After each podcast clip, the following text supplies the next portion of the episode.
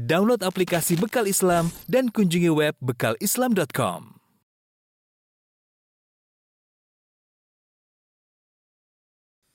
Bismillahirrahmanirrahim. Assalamualaikum warahmatullahi wabarakatuh. Alhamdulillahi ala ihsani wa syukru lahu ala taufiqihi wa amtinani wa asyhadu an la ilaha illallah dahu la syarika lahu ta'ziman li sya'ni wa asyhadu anna Muhammadan abduhu wa rasuluhu da'ila ridwani. Allahumma salli alaihi wa ala alihi wa ashabi wa ikhwani. Para pemirsa yang dirahmati Allah Subhanahu wa taala. Pada kesempatan kali ini kita akan melanjutkan tentang kisah Nabi Daud alaihissalam yang sudah kita sampaikan sebelumnya bagian pertama dan ini bagian terakhir insyaallah dari kisah Nabi Daud alaihissalam. Uh, telah kita sebutkan bahwasanya Nabi Daud memiliki banyak kelebihan uh, dan di antaranya Nabi Daud ya uh, adalah seorang yang wa atainahul hikmah wa fasl khitab. Kata Allah Allah berikan kepada Nabi Daud al-hikmah yaitu sikap bijak wa fasl khitab dan itu keputusan jadi kalau ada masalah Nabi Daud menjelaskan maka menjadi keputusan bagi orang-orang yang bersengketa. Uh, namun suatu hari Allah menguji Nabi Daud alaihissalam. Ya, Allah sebutkan kisah dalam surat Sad. Ya, meskipun Nabi Daud alaihissalam selalu bijak, namun suatu saat dia terburu-buru dan dia salah dalam memberi keputusan. Allah sebut dalam surat Sad ayat 21, "Wa hal ataka naba'ul khasmi idh tasawwarul mihrab." Dan apakah telah sampai kepadamu berita tentang orang-orang berselisih ketika mereka memanjat dinding mihrab? Jadi Nabi Daud alaihissalam dia punya waktu untuk uh, memberi keputusan hukuman kepada rakyatnya atau kepada masyarakat. Demikian juga dia punya waktu untuk beribadah di mihrabnya. Mihrabnya maksudnya tempat ibadahnya ya semacam kalau kita musallanya ya. Musola dalam kerajaannya kemudian Nabi Daud alaihissalam beribadah uh, dalam musolanya dan ini dalil bahwasanya Nabi Daud ya meskipun sudah menjadi raja ya tadinya penggembala kambing kemudian menjadi raja tetap saja dia tidak meninggalkan ibadah kepada Allah Subhanahu wa taala tidak sebagaimana sebagian orang yang baru diberi sebagian kenikmatan sudah lupa kepada Allah Subhanahu wa taala. Apalagi yang diberi jabatan maka semakin lupa kepada Allah Subhanahu wa taala. Daud alaihissalam tidak. Ya, dia diberi kekuasaan, diberi kekuatan, diberi jabatan, jadikan raja, bahkan dia punya waktu khusus untuk uh, beribadah di mihrabnya, semacam di musallanya ya. Uh, tiba-tiba ada dua orang manjat pagar, kemudian masuk ke dalam mihrab Nabi Daud dan ini suatu hal yang mengagetkan Nabi Daud alaihissalam karena, kan di namanya kerajaan ada penjaga. Bagaimana dua orang ini bisa melewati seluruh penjaga, kemudian tiba-tiba masuk ke dalam musolanya Nabi Daud alaihissalam. Idh dakhalu ala Daud fafazi'a minhum. Kata Allah tatkala dua orang bersengketa ini setelah manjat pagar kemudian dia masuk ke dalam ruangan Nabi Daud alaihissalam fafazi'a minhum maka Nabi Daud pun takut dengan mereka. Fafazi'a itu kaget. Dan ini suatu yang wajar manusiawi. Bagaimana tiba-tiba dua orang datang, bisa jadi membawa keburukan, bisa jadi jahat, kok bisa tiba-tiba bisa masuk dalam ruangan khusus Nabi Daud. Akhirnya qalu la takhaf.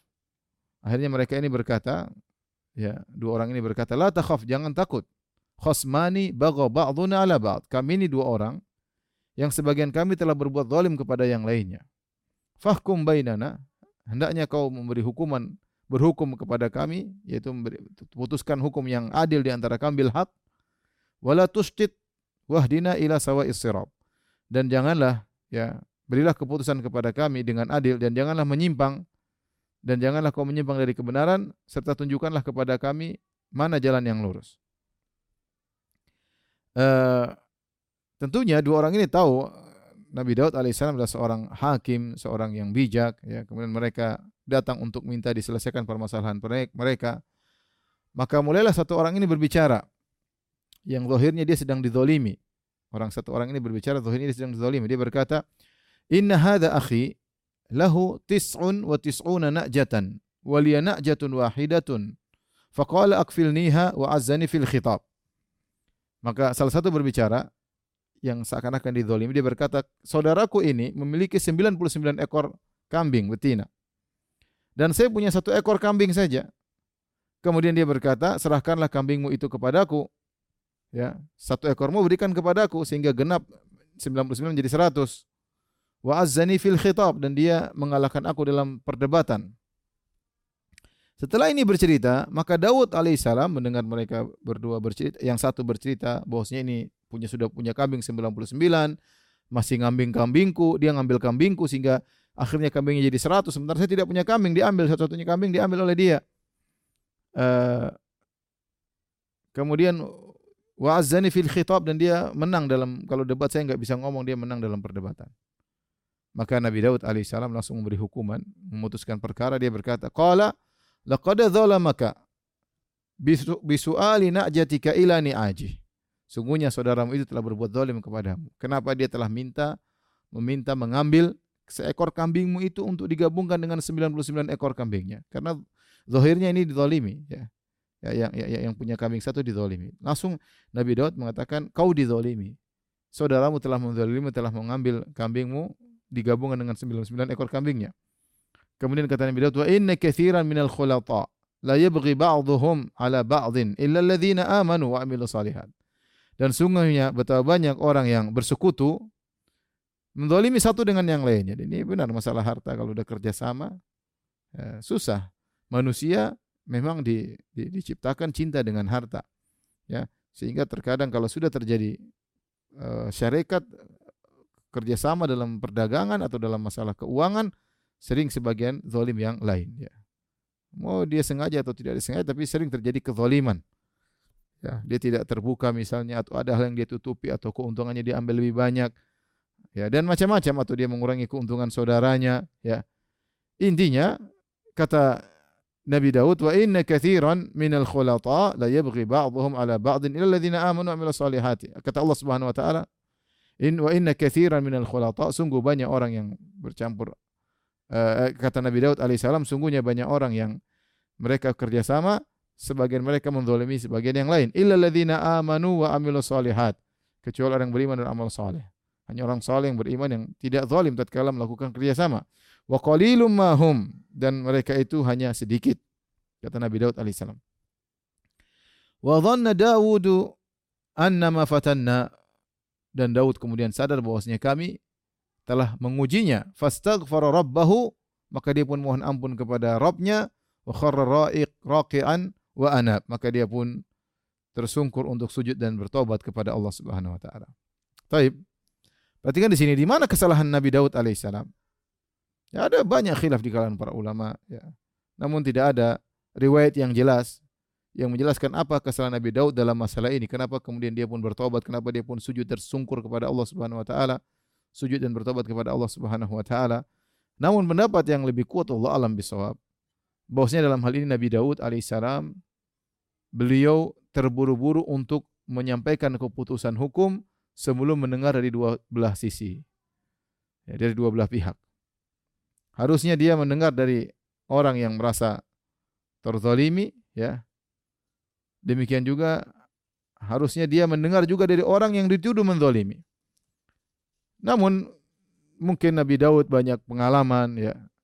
Sehingga dia mengatakan wa inna katsiran minal khulata sungguhnya banyak orang yang mereka saling bekerja sama la yabghi ba'dhum ala ba'dhin.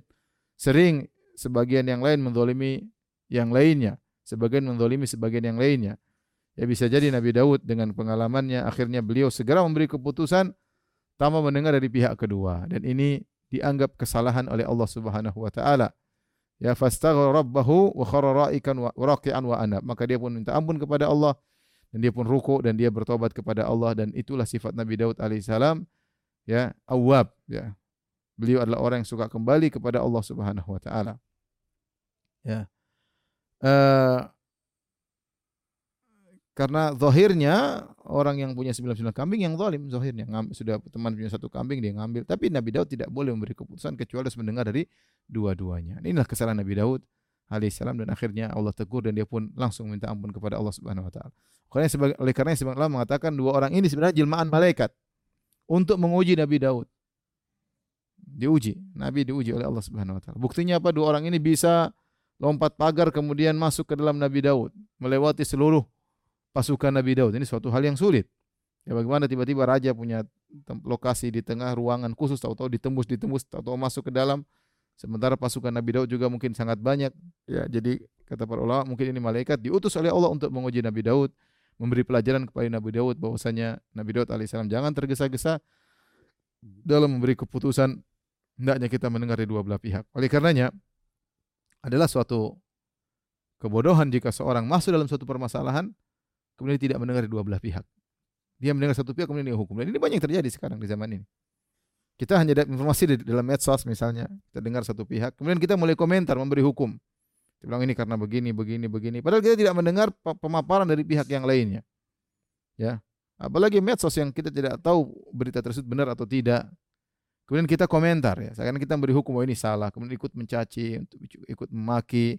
Banyak kasus seperti itu. Kejadian sekarang bisa diatur, berita bisa diatur, ya. Peristiwa bisa di dirubah-rubah beritanya dan itu sangat mungkin terjadi dan terjadi. Oleh karena yang saya katakan di antara pelajaran yang bisa kita ambil dari kisah Nabi Daud alaihissalam ini, Sudahlah, banyak masalah uh, kalau lewat di hadapan kita.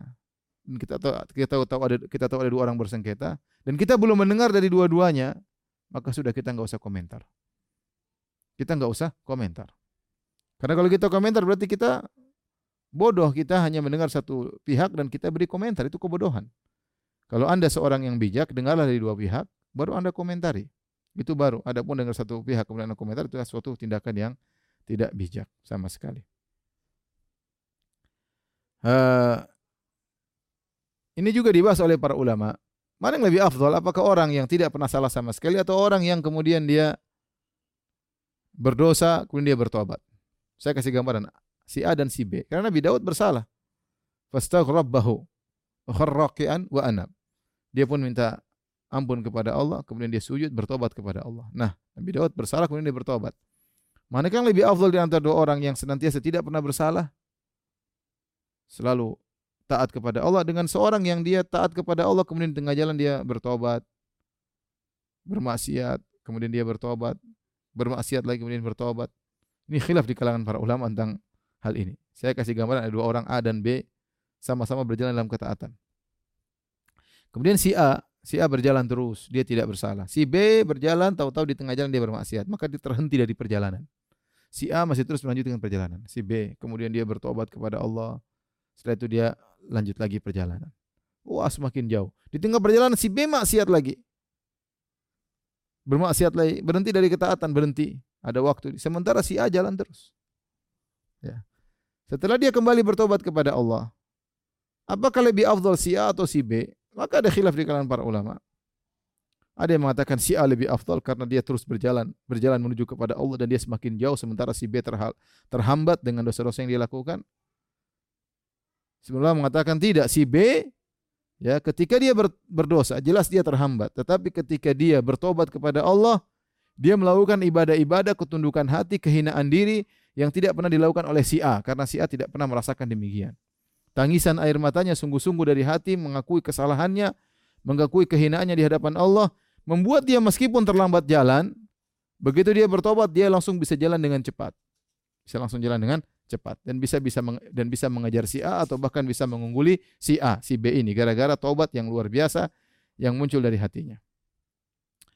Oleh karenanya ada khilaf di kalangan para ulama lebih afdal si A atau si B. Namun yang benar wallahu alam bisawab disebutkan oleh Ibnu Al-Qayyim dalam uh, Madarijus Salikin menukil dari Ibnu Taimiyah rahimahullah taala gurunya bahwasanya yang terbaik adalah si A atau si B dikatakan yang terbaik adalah kondisi. Jika ternyata si B setelah bermaksiat kemudian dia bertobat, kondisinya lebih afdol, jauh, ya. Dengan kondisinya sangat afdol bisa jadi seorang tadinya bermaksiat kemudian bertobat kemudian luar biasa istiqomah, maka bisa jadi dia bisa mengungguli si A, bisa jadi. Tapi kita katakan bahwasanya seorang berusaha untuk tidak bermaksiat kepada Allah karena jelas jika seorang bermaksiat dia akan terhambat dari melakukan ketaatan. Yang harusnya waktunya dia untuk baca Quran, waktunya untuk mengingat Allah, kemudian dia gunakan untuk maksiat, untuk nonton macam-macam, untuk dengar macam-macam. Ya, sehingga hatinya menjadi hitam kembali. Untuk memutihkan kembali hatinya perlu taubat, perlu kesungguhan. Intinya seorang berusaha tidak bermaksiat, tapi kalau dia bermaksiat kepada Allah dan kita semua pasti terjun dalam maksiat, maka masih ada kesempatan dia untuk maju terus berjalan menuju kepada Allah. Lihatlah Nabi Daud alaihissalam dia bersalah, segera dia bertobat, beristighfar, kemudian dia pun melanjutkan ketaatan kepada Allah Subhanahu wa taala. Kata Allah Subhanahu wa taala, "Faghfarna lahu dzalik." dan kami ampuni Nabi Daud alaihissalam. Wa inna lahu indana la zulfa wa husna ma'ab. Dan sungguhnya dia punya kedudukan yang benar-benar dekat di sisi kami dan punya tempat kembali yang baik. Jadi Allah Allah ingin jelaskan Nabi Daud bersalah tapi dia bertobat dan kami terima tobatnya. Bahkan Allah tekankan wa inna lahu indana la zulfa. Sungguhnya Nabi Daud memiliki kedudukan yang tinggi di sisi kami. Wa husna ma'ab dan tempat kesudahannya adalah indah. Kemudian Allah berfirman, Ya Daud, inna ja'alnaka khalifatan fil ard, fahkum bainan nasi bil haq. Wahai Daud, kami telah menjadikan engkau sebagai penguasa di atas muka bumi. Fahkum bainan nasi bil haq, maka hukumlah di atas di antara manusia dengan benar. Wala tattabi'il hawa. Jangan kata kalau kau memberi keputusan hukum kau mengikuti hawa nafsu. Tidak boleh. Oh, ini karena kawan, ini karena teman dekat, oh ini karena punya jasa dulu kepada saya. Tidak boleh. Jangan kau ikut hawa nafsumu, tapi hukumlah dengan benar. Fayudhillaka an sabilillah. Maka Allah akan menyesatkan engkau dari jalan yang benar. Innal ladzina yudhilluna yudhilluna an sabilillah lahum adzabun syadid. Sungguhnya orang tersesat dari jalan Allah bagi mereka adab yang pedih. Bima nasu yaumal hisab. Karena mereka lupa dengan namanya hari hisab. Jadi terjadi betapa banyak orang hakim pengacara membela keburukan mereka lupa dengan namanya hari hisab yaumal hisab subhanallah sebagian pengacara ya mereka dapat uang banyak dengan membela kebatilan. Di antara mereka tobat, di antara mereka hijrah. Ya, semakin dia mampu untuk membela kebatilan, semakin dapat pemasukan yang banyak. Oleh karenanya hati-hati, ya. Ini perkara bukan perkara ringan menghukumi manusia. Yang bukan hak kita kasih haknya, yang punya hak kita rampas haknya, berikan kepada yang yang tidak berhak. Maka ini kenapa sebab itu terjadi kata Allah Subhanahu wa taala bima nasu yaumal hisab. Karena lupa dengan namanya hari hisab, hari hari pembalasan, hari perhitungan. Ya, bahwasanya setiap kita tatkala kita berbuat dihitung oleh Allah, di, dihisab dan keputusan kita juga dihisab oleh Allah Subhanahu wa taala. Ini di antara kisah yang Allah sebutkan Nabi Daud bersalah kemudian bertobat kepada Allah Subhanahu wa taala. Di antara kisah yang lain yang Allah sebutkan adalah tentang kisah Nabi Daud dan putranya Sulaiman alaihi masalam. Dua-dua hamba Allah Nabi nabinya Allah sekaligus dua-duanya adalah seorang raja. Ketika Nabi Daud dan Sulaiman, Nabi Daud seorang cerdas, bijak, Sulaiman juga tidak kalah bijaknya. Apa kata Allah dalam surat Al-Anbiya ayat 78? Wa Dawuda wa Sulaimana idh yahkumani fil harth idh nafashat fihi ghanamul qaum wa kunna li hukmihim syahidin. Kata Allah dan ingatlah Daud dan Sulaiman ketika keduanya memberikan keputusan mengenai sebuah ladang. Fil harth, sebuah ladang. Ada masalah ladang tersebut. Kenapa ladang tersebut? Izna fasad fihi ghanamul qaum. Tatkala ladang tersebut dirusak oleh kambing-kambing milik kaumnya. Ya. Wa kunna li hukmihim syahidin. Dan kami menyaksikan keputusan yang diberikan oleh mereka itu. Jadi, jadi bagaimana kisahnya? Kisahnya ada seorang mengembalakan kambing. Ya. Dia mengembalakan kambing di sekitar areal orang lain. Tahu-tahu kambing-kambing tersebut masuk ke dalam kebun orang lain. Kemudian kebun tersebut dirusak, diinjak-injak, mungkin dimakan uh, daun-daunnya, dimakan. Ini dirusak oleh kambing-kambing tersebut. Akhirnya hal ini diangkat permasalahan kepada Nabi Daud alaihissalam. Ya. Masalah apa pun berat di sisi Allah Subhanahu wa taala ya. Ya. Bahkan kata Nabi wasallam, "Walau qadhiban min arak" ya. Hati-hati jangan kau ambil harta orang lain atau jangan kau beri keputusan yang tidak benar. Karena akan mengantarkanmu kepada neraka jahanam. Kau bersaksi palsu kau bersumpah palsu meskipun walau qadhiban min arak meskipun hanya sepotong kayu siwak. Jangan sampai kita salah berhukum jangan sampai kita bersumpah ini harta saya ternyata bukan. Ancamannya neraka jahanam. Ini kebun didatangi oleh kambing-kambing dirusak maka kemudian dua orang ini mengadu kepada Nabi Daud alaihissalam bagaimana apa yang harus mereka ambil keputusannya bagaimana Ya, akhirnya Nabi Daud alaihissalam uh, memberi hukuman yang adil. Dia menilai kerusakan, kerusakan kebun tersebut berapa. Kemudian dia menilai kambing-kambing tersebut berapa. Nah, kemudian kerusakan tersebut dibayar dengan kambing-kambing. Misalnya si A punya kebun, si B punya kambing. Kembung si, kambing si B merusak kebun si A.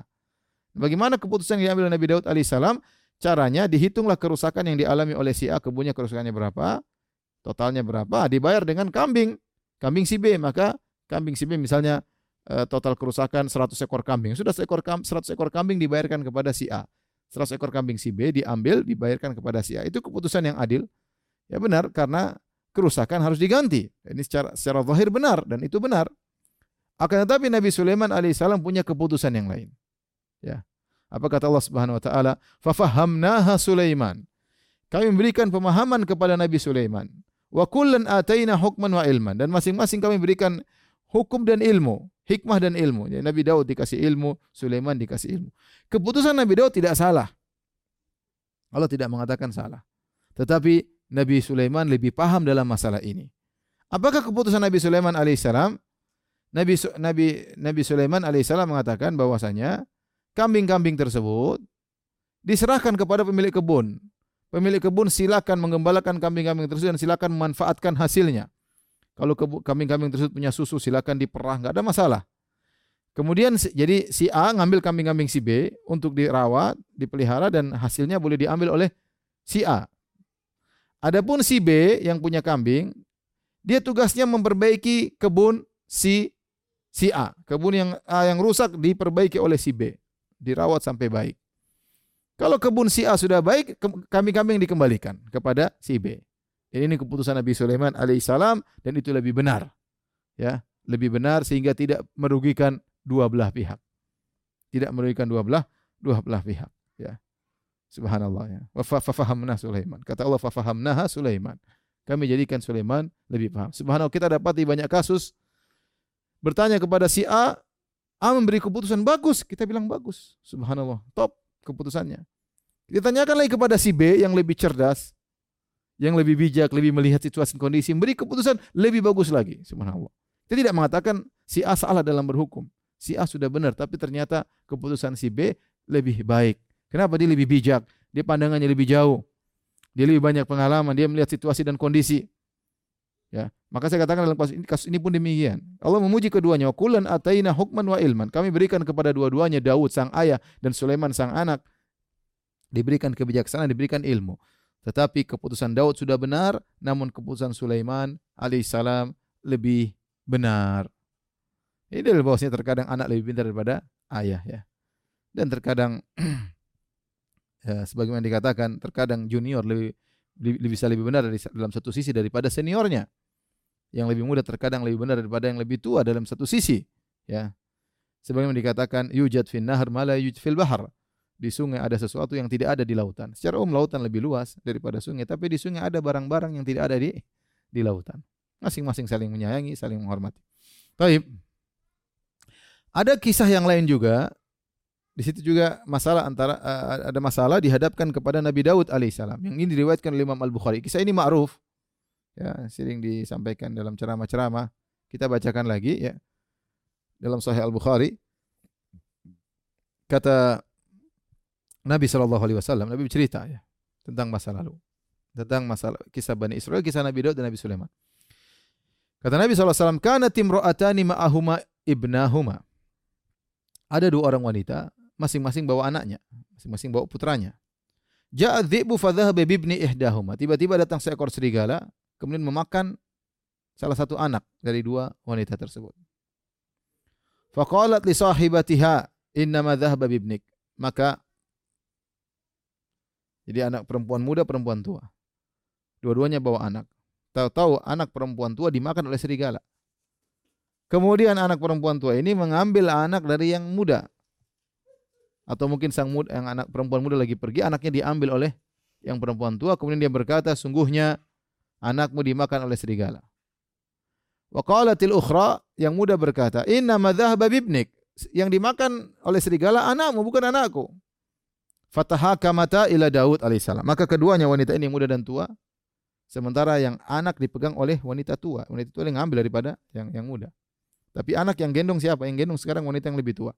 Kedua-duanya pergi kepada Nabi Daud alaihissalam. Faqadha bihi lil kubra. Maka Nabi Daud alaihissalam memberi keputusan bahwasanya anak tersebut milik yang tua. Fakharajata ala Sulaiman alaihi wassalam. Fa akhbarata. Kemudian keduanya keluar ketemu dengan Nabi Sulaiman Kedua mengabarkan kisahnya kepada Nabi Sulaiman. Bagaimana nih? Sulaiman alaihissalam berkata, itu nih bisikin. Ambilkan pisau untukku. Asyukkuhu bainahuma. Aku akan belah anak ini menjadi dua Separuh buat kamu yang tua, separuh buat kamu yang muda. Faqala itu sugra tiba-tiba ibu yang masih muda berkata, "La taf'al, jangan kau lakukan." Yarhamukallah. Semoga Allah merahmati engkau. Huwa ibnuha. Sungguhnya ini anak bukan anak saya, ini anak yang tua tadi. Faqadha bihi li sugra. Sementara yang tua diam aja. Melihat kondisi seperti ini Nabi Sulaiman mengatakan, eh, ini anak berarti bukan milikmu yang tua, ini anak milik perempuan yang muda. Baik, kita kembali lagi lagi kembali lagi kisah ini. Jadi ada perempuan tua, perempuan muda. Anak-anaknya mungkin mereka sedang pergi ke mana, anaknya diletakkan. Tahu-tahu anak yang perempuan tua dimakan oleh serigala.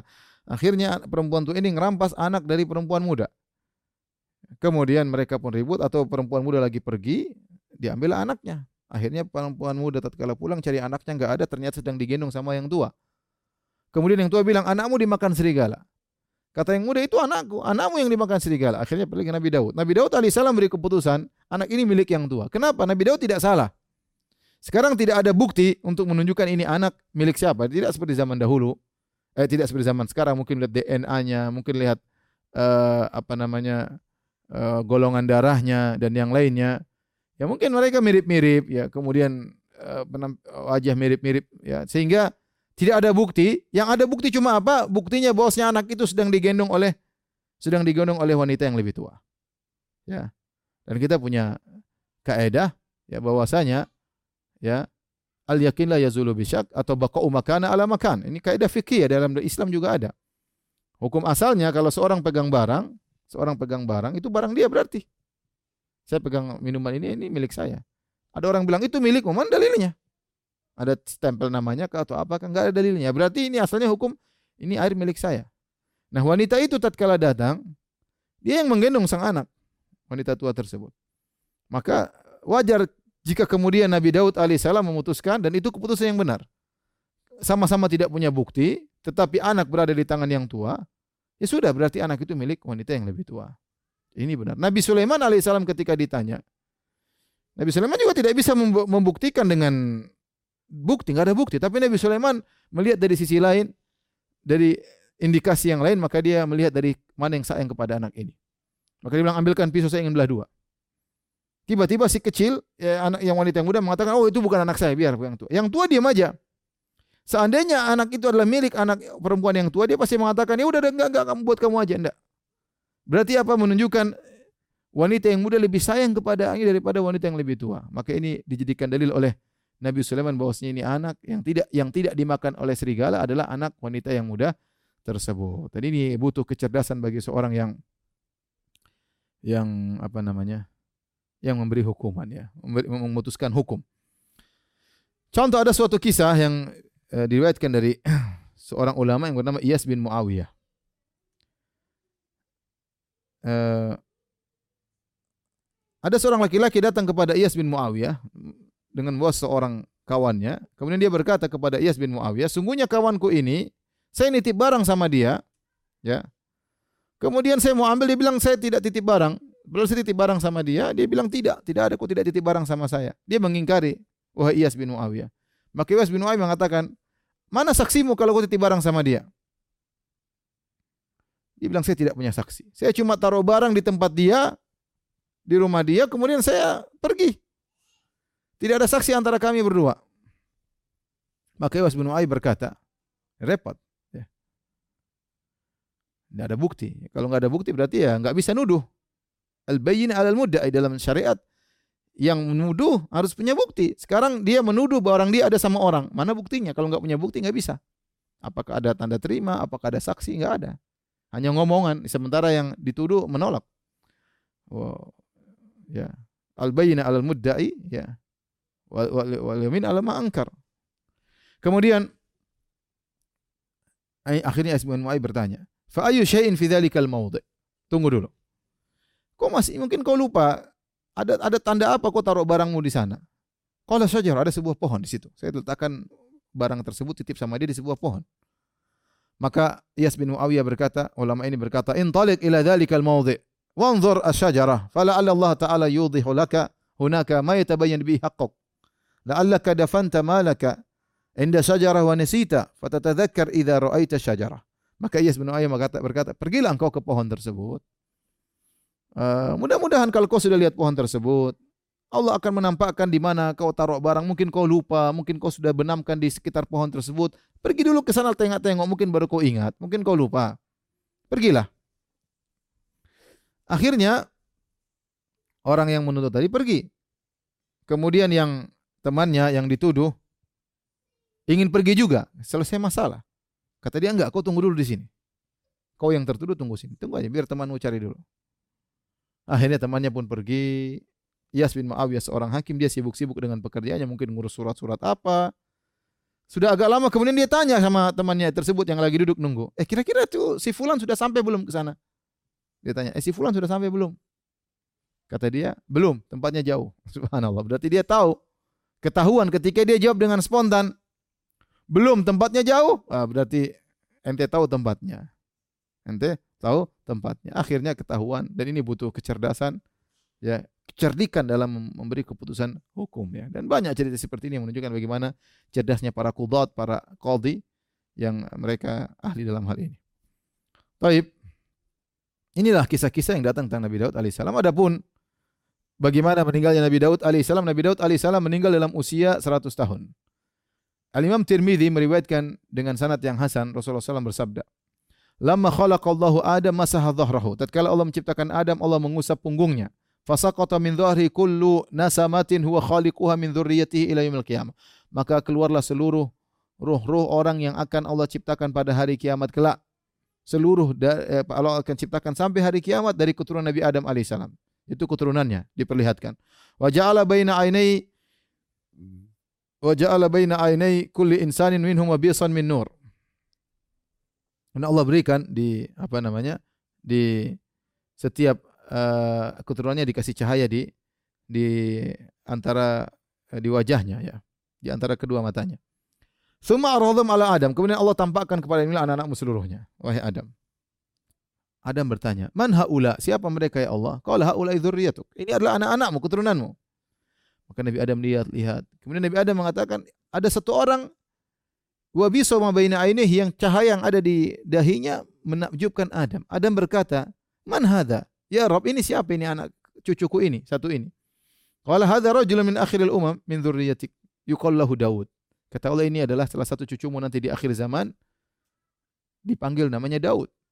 Rabbi kam ja'alta umrahu? Adam bertanya, "Ya Robku, engkau kasih dia umur berapa?" Kata Allah sittina sana, 60 tahun. Qala i wa rabbi, i rabbi. Zidhu min umri arba'ina sana. Kata Nabi Adam, Ya Allah, ambilkah, ambillah dari umurku 40 tahun, kasihkan sama dia. Jadi Nabi Adam harusnya umur 1000, jadi 960. 40-nya dikasih bonus kepada Nabi Daud alaihissalam. Falamma qudhiya umur Adam ja'ahu malakul maut. Tatkala Nabi Adam akan dicabut nyawanya, datanglah malaikat maut ingin cabut nyawanya, maka Nabi Adam berkata, "Awalam ya buka min umri arbauna sana wahai malaikat maut, kan umurku masih 40 tahun lagi, kenapa kau cabut nyawaku sekarang?" Malaikat berkata, "Awalam tu'tiha ibnaka Daud, bukankah kau sudah kasih 40 tahunmu kepada cucumu Daud?" Fajahada Adam, fajahadat dzurriyyatuhu. Adam mengingkari. Kata Nabi demikianlah anak-anak keturunannya pun suka lupa mengingkari. Wa nusiya Adam fa nusiyat dzurriyyatu. Adam dibuat lupa, anak keturunannya pun lupa. Ya, Adam lupa sejak awal 960 tahun kemudian ya lupa wajar. Wa khatiya Adam fa khatiyat dzurriyyatuhu. Nabi Adam bersalah wa khatiyat fa khatiyat dzurriyyatu anak-anak keturunan juga melakukan kesalahan. Jadi ini dalil menunjukkan Nabi Daud alaihissalam meninggal tatkala usia 100 tahun. Harusnya 60 tahun dapat bonus 40 tahun dari nenek moyangnya Nabi Adam alaihissalam. Adapun bagaimana meninggalnya Nabi Daud, Imam Ahmad meriwayatkan dalam musnadnya Nabi bersabda, karena Daud an-nabiyyu fihi ghairatun syadid. Adalah Nabi Daud adalah orang yang sangat pencemburu. Wa kana idza akhraja idza kharaja ughliqatil abwabu falam yadkhul ala ahlihi ahadun hatta yarji. Kalau dia sudah keluar dari rumahnya pintunya ditutup pintu rumahnya. Tidak boleh seorang pun datang menemui istrinya. Dia sangat pencemburu. Qala fa kharaja dzata yaumin. Suatu hari dia keluar wa ughliqat ad-dar dan pintu rumah sudah dia tutup. Fa aqbalat imra'atuhu tattali'u ila ad-dar. Kemudian istrinya datang masuk ke dalam rumah. Fa rajulun qa'imun wasatad dar, tiba-tiba ada seorang lelaki di tengah rumah, dalam rumah. Fa liman fil bait, min aina dakhala rajul ad-dar? Maka dia bertanya kepada orang-orang yang ada di rumah, Orang ini bagaimana bisa masuk dalam rumah? Wadar mughlaq. Sementara rumah ditutup, bagaimana bisa masuk? Ditanya, kenapa kau bisa masuk? Wallahi, la tuftadahanna bi Daud. Demi Allah kau akan dipermalukan oleh Daud alaihissalam. Ya kan Daud datang, Daud alaihissalam kuat. Bisa bunuh engkau masuk ke rumah sembarangan. Faja'a Daud, maka Daud alaihissalam datang masuk ke rumahnya. Fa idza rajul qa'imun wasatad dar. Tiba-tiba lelaki tersebut berdiri di tengah di tengah rumah. Faqala lahu Daud, Daud bertanya, "Man anta? Siapa engkau?" Qala ana alladhi la ahabul muluka.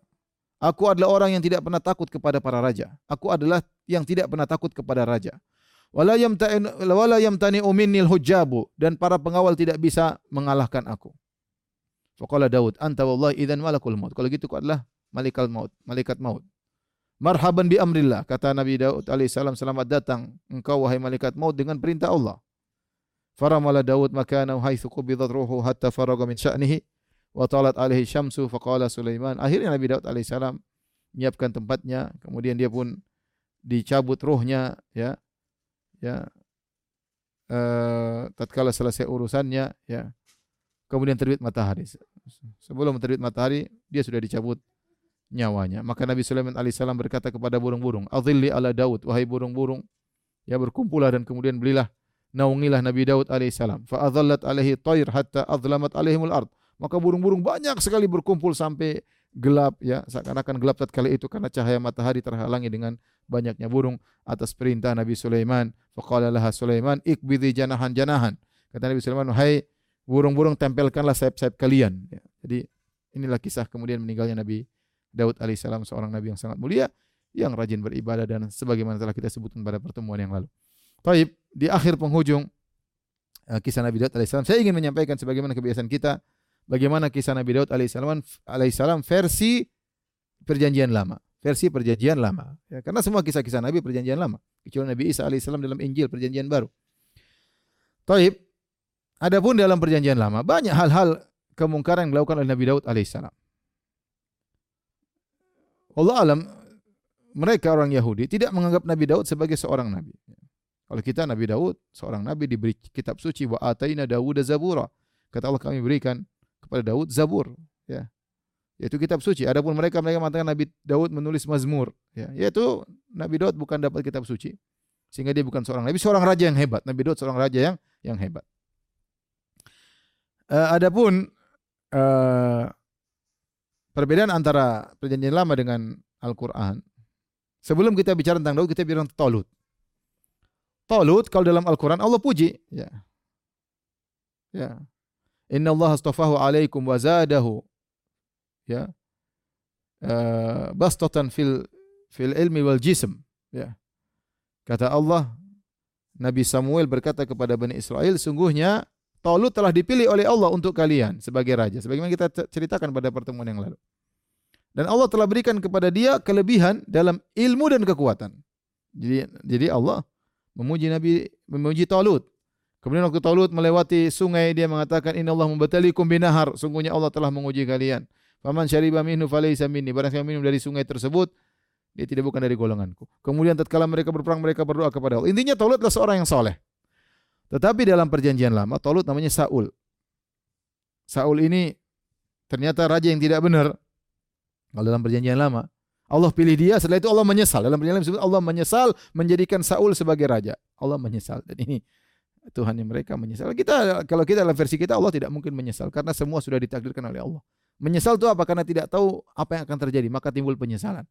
Dalam kitab perjanjian lama Allah menyesal karena menjadikan Saul atau Talut menjadi raja. Kenapa? Ternyata dia tidak sesuai dengan perintah Allah Subhanahu wa taala.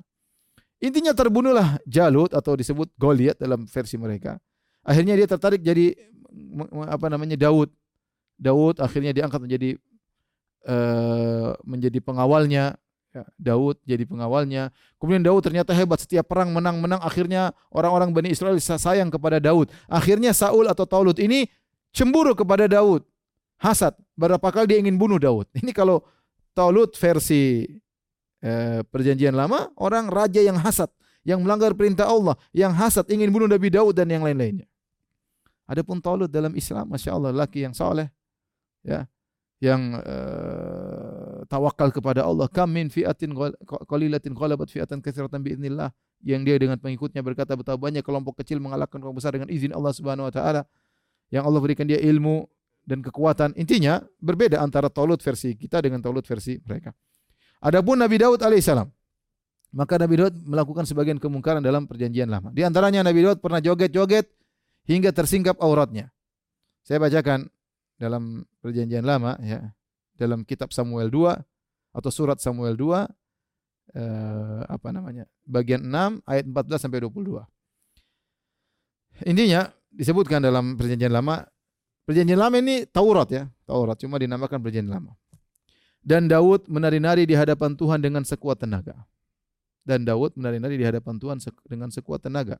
Menari-nari. Ia berbaju efod dari kain lenan. Daud dan seluruh orang Israel merangkut tabut Tuhan itu dengan diiringi sorak dan bunyi sangkakala.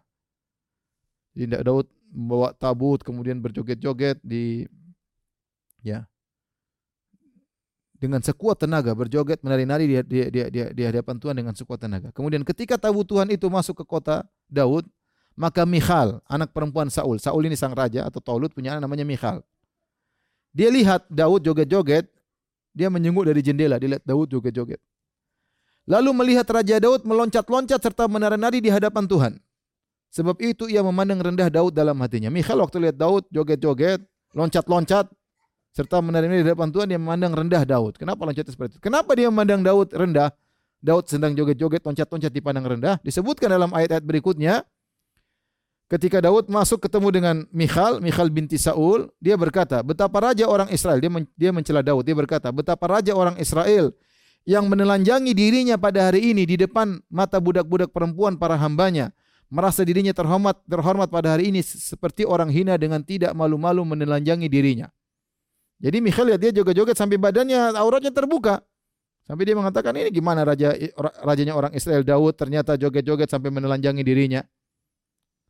Ini versi perjanjian lama. Adapun kalau kita dalam Islam Nabi Daud tidak begitu. Nabi Daud orang yang rajin puasa, rajin sholat malam, bukan orang yang suka joget-joget sampai tersingkap auratnya. Yang kedua, Daud bengis dalam versi perjanjian lama. Jadi disebutkan Saul, Taulut ini akhirnya menikahkan putrinya dengan Daud. Tapi dia kasih syarat, kau mau kasih menikah sama putriku, wahai Daud, kau harus ambil kulit burungnya, kulit zakarnya orang-orang Palestina, potong dan bawa ke sini. Akhirnya Daud ingin menikah dengan putrinya Saul. Maka dia pun berangkat berperang, dia pergi menuju Palestina. Jadi Daud sering memerangi orang-orang Palestina. Bani Israel memerangi orang Palestina. Jadi kan Aniun.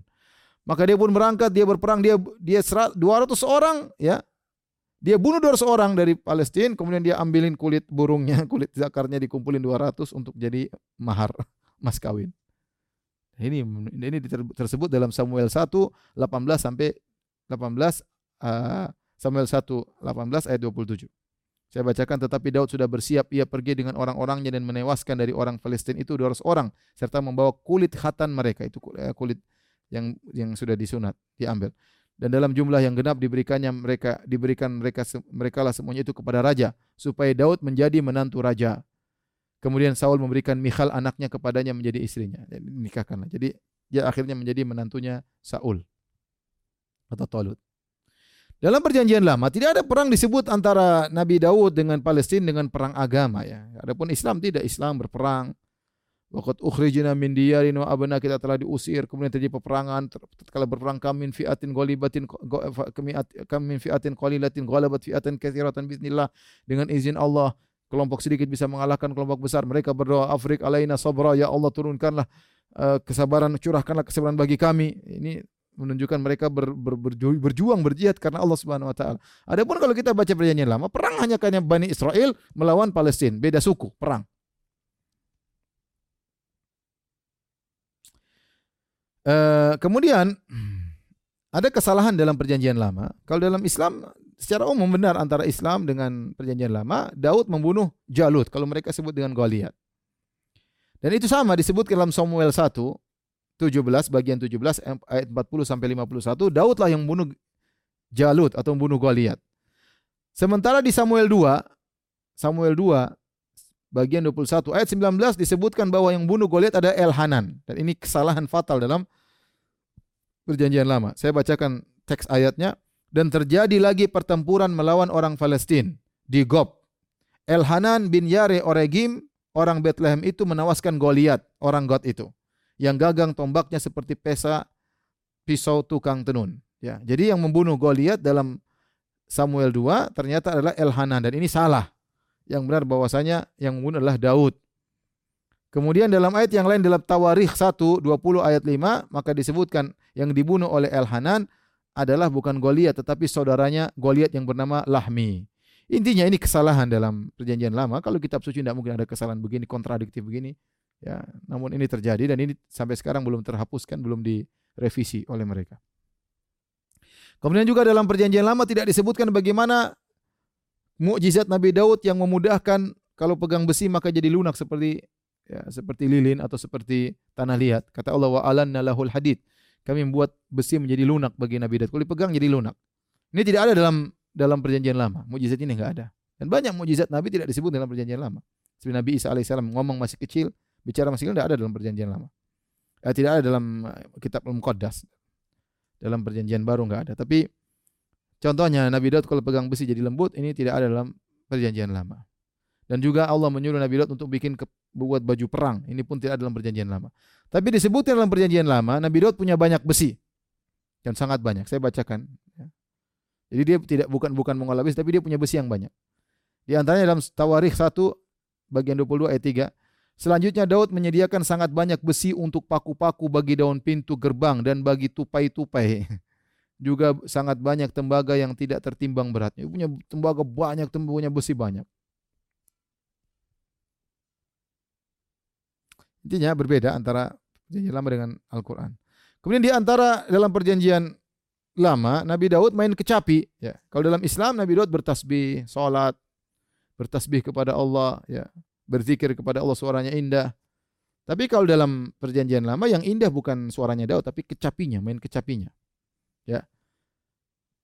Dalam Samuel 1 bagian 16 ayat 20 sampai 23, sebab itu Saul yaitu Talut menyuruh orang kepada orang kepada Ise mengatakan, Ise ini orang tuanya Daud. Biarkanlah Daud tetap menjadi pelayanku sebab aku suka kepadanya. Dan setiap kali apabila roh yang ada yang daripada Allah itu hingga pada Saul, maka Daud mengambil kecapi dan memainkannya. Saul merasa lega dan nyaman dan roh yang jahat itu undur daripadanya. Jadi kalau Saul diganggu oleh roh jahat, dia suruh datangkan Daud untuk main kecapi. Ya, main kecapi. Supaya musik-musik tadi menghilangkan roh jahat. Ini versi perjanjian lama. Dalam Islam tidaklah Nabi Daud tidak main musik. Nabi Daud sedang bertasbih kepada Allah Subhanahu wa taala. Yang paling parah adalah kesalahan yang berikutnya dalam perjanjian lama ternyata Nabi Daud berzina. Saya bacakan ya. Dalam Samuel 2 ayat bagian 11 ayat 2 sampai 4. Sekali peristiwa pada waktu petang sekali peristiwa pada waktu petang ketika Daud bangun dari tempat pembaringannya lalu berjalan-jalan di atas sotah istana. Itu di bagian pelataran atas istana. Tampak kepadanya dari atas sotah itu dari atap istana ya seorang perempuan sedang mandi. Jadi Nabi Daud uh tiba-tiba lihat perempuan mandi. Perempuan itu sangat elok rupanya. Harusnya Nabi Daud tundukkan pandangan malah ngelihat terus. Lalu Daud menyuruh orang bertanya tentang perempuan itu dan orang itu dan orang berkata itu adalah Batsheba binti Eliam istri Urea. Ini istri orang rupanya. Batsheba ini ternyata istrinya orang namanya Uria, orang Het. Sesudah itu Daud menyuruh orang mengambil dia. Perempuan itu datang kepadanya, panggil perempuan itu ke sini. Lalu Daud tidur dengan dia, dizinai oleh Daud istrinya orang. Waliyadzubillah, enggak mungkin Nabi Daud melakukan demikian. Perempuan itu baru saja selesai dari kenajisannya, itu baru baru selesai haid. Selesai haid, kemudian digauli oleh Nabi Daud, kemudian dia pulang ke rumahnya. Lihat ini Nabi Daud ngintip orang, sudah ngelihat cewek kemudian berzina dengan istri orang.